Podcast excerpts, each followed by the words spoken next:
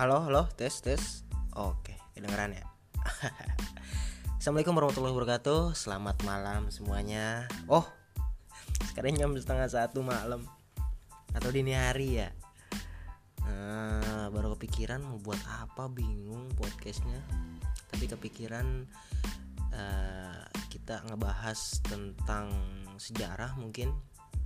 Kayaknya asik seru ya gue pengen ngomongin tentang sejarah sebuah bangunan yang ada di uh, belahan dunia lain bukan di Indonesia yang mungkin sekarang lagi rame diperbincangkan gitu.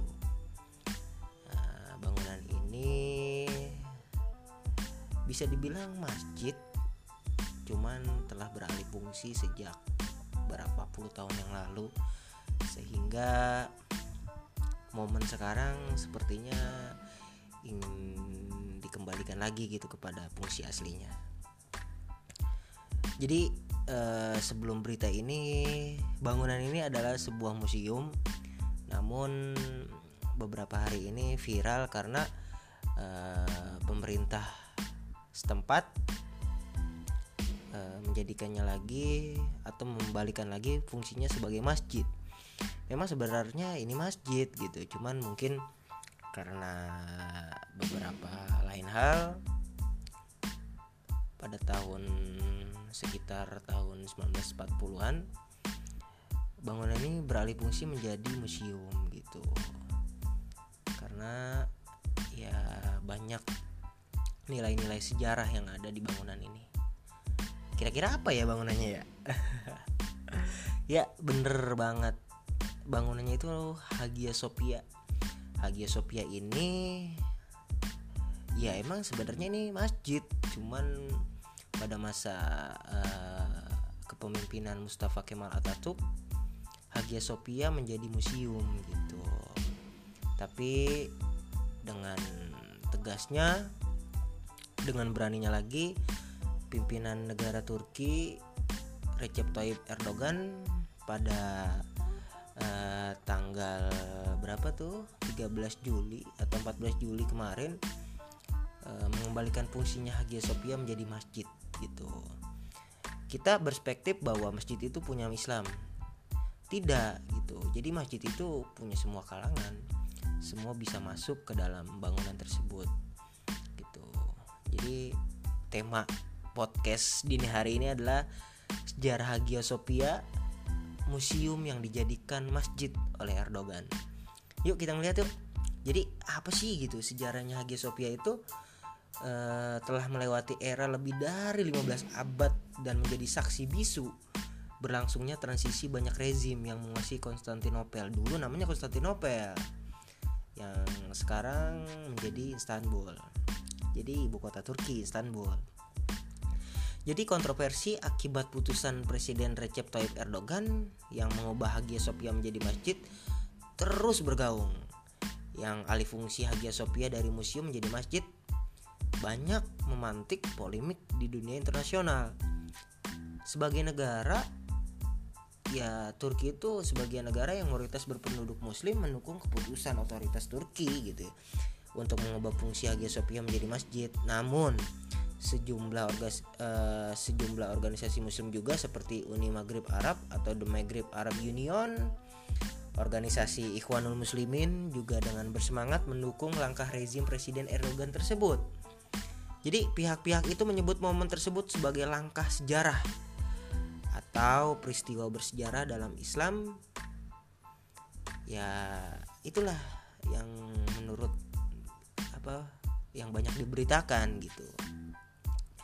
Namun di sisi lain, sebagaimana uh, banyak dilansir oleh media cetak luar gitu ya kan, kritik atas keputusan Erdogan itu juga tak kalah banyak dari petinggi negara atau pemimpin agama dunia lainnya sekelas Paus Fransiskus mengaku sangat sedih gitu dengan alasan perubahan status Hagia Sophia itu gitu.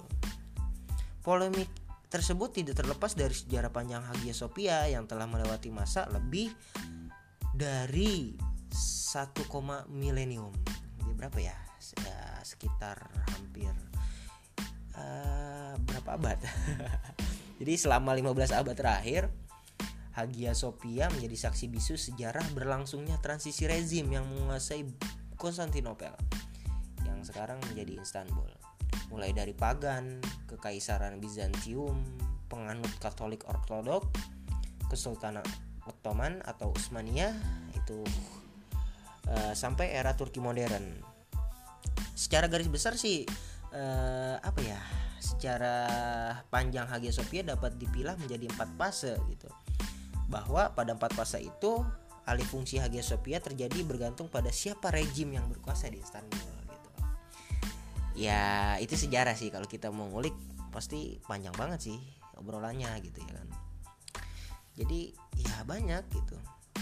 Jadi Hagia Sophia pada era kekaisaran Bizantium gitu ya kan.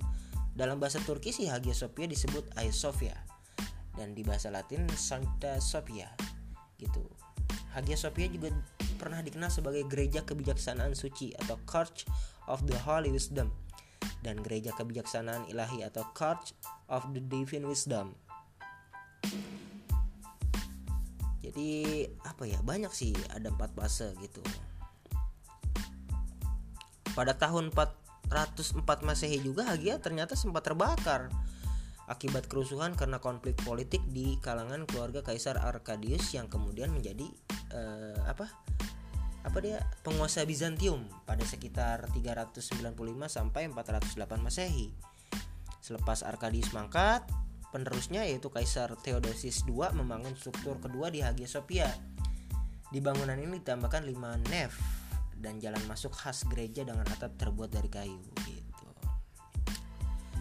Nah, pada Kesultanan Ottoman, Hagia Sophia pada masa 1453 era Kaisaran Bizantium berakhir karena ditaklukkan oleh Sultan Mehmed atau Mehmed II yang kita kenal dengan Muhammad Al-Fatih dari Kekaisaran Ottoman.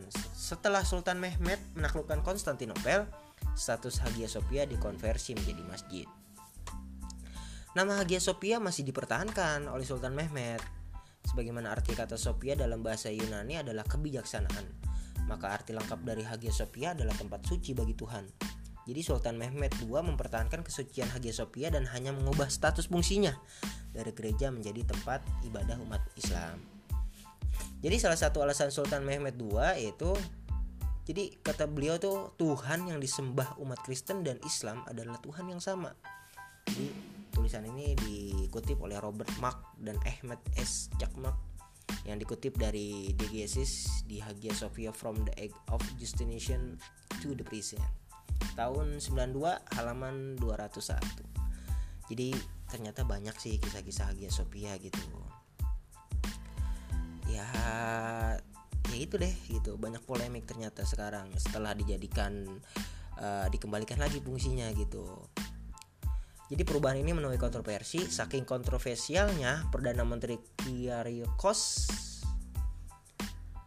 Sotakis, aduh susah banget namanya, dari Yunani menuding keputusan itu sebagai penghinaan terhadap karakter ekumenis dari Hagia Sophia.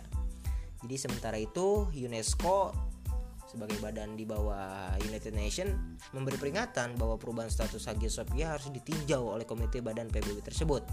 Oleh karena Hagia Sophia sejak 1985 dianggap sebagai situs warisan dunia. Pengubahan situs bangunan ini harus diberitahukan terlebih dahulu dan melalui proses peninjauan UNESCO.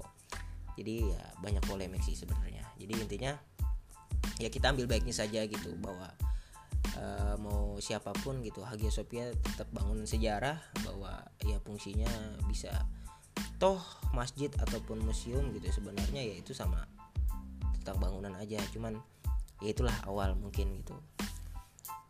Ya intinya Hagia Sophia punya siapa pun gitu kan. E, dari kalangan mana pun gitu. Intinya ya Hagia Sophia tetap punya kita sama-sama. Itu aja sih mungkin sih cerita kita malam ini terima kasih buat kalian yang udah mendengar podcast saya. Kurang lebihnya mungkin mohon maaf. Bila taufik wal hidayah. Assalamualaikum warahmatullahi wabarakatuh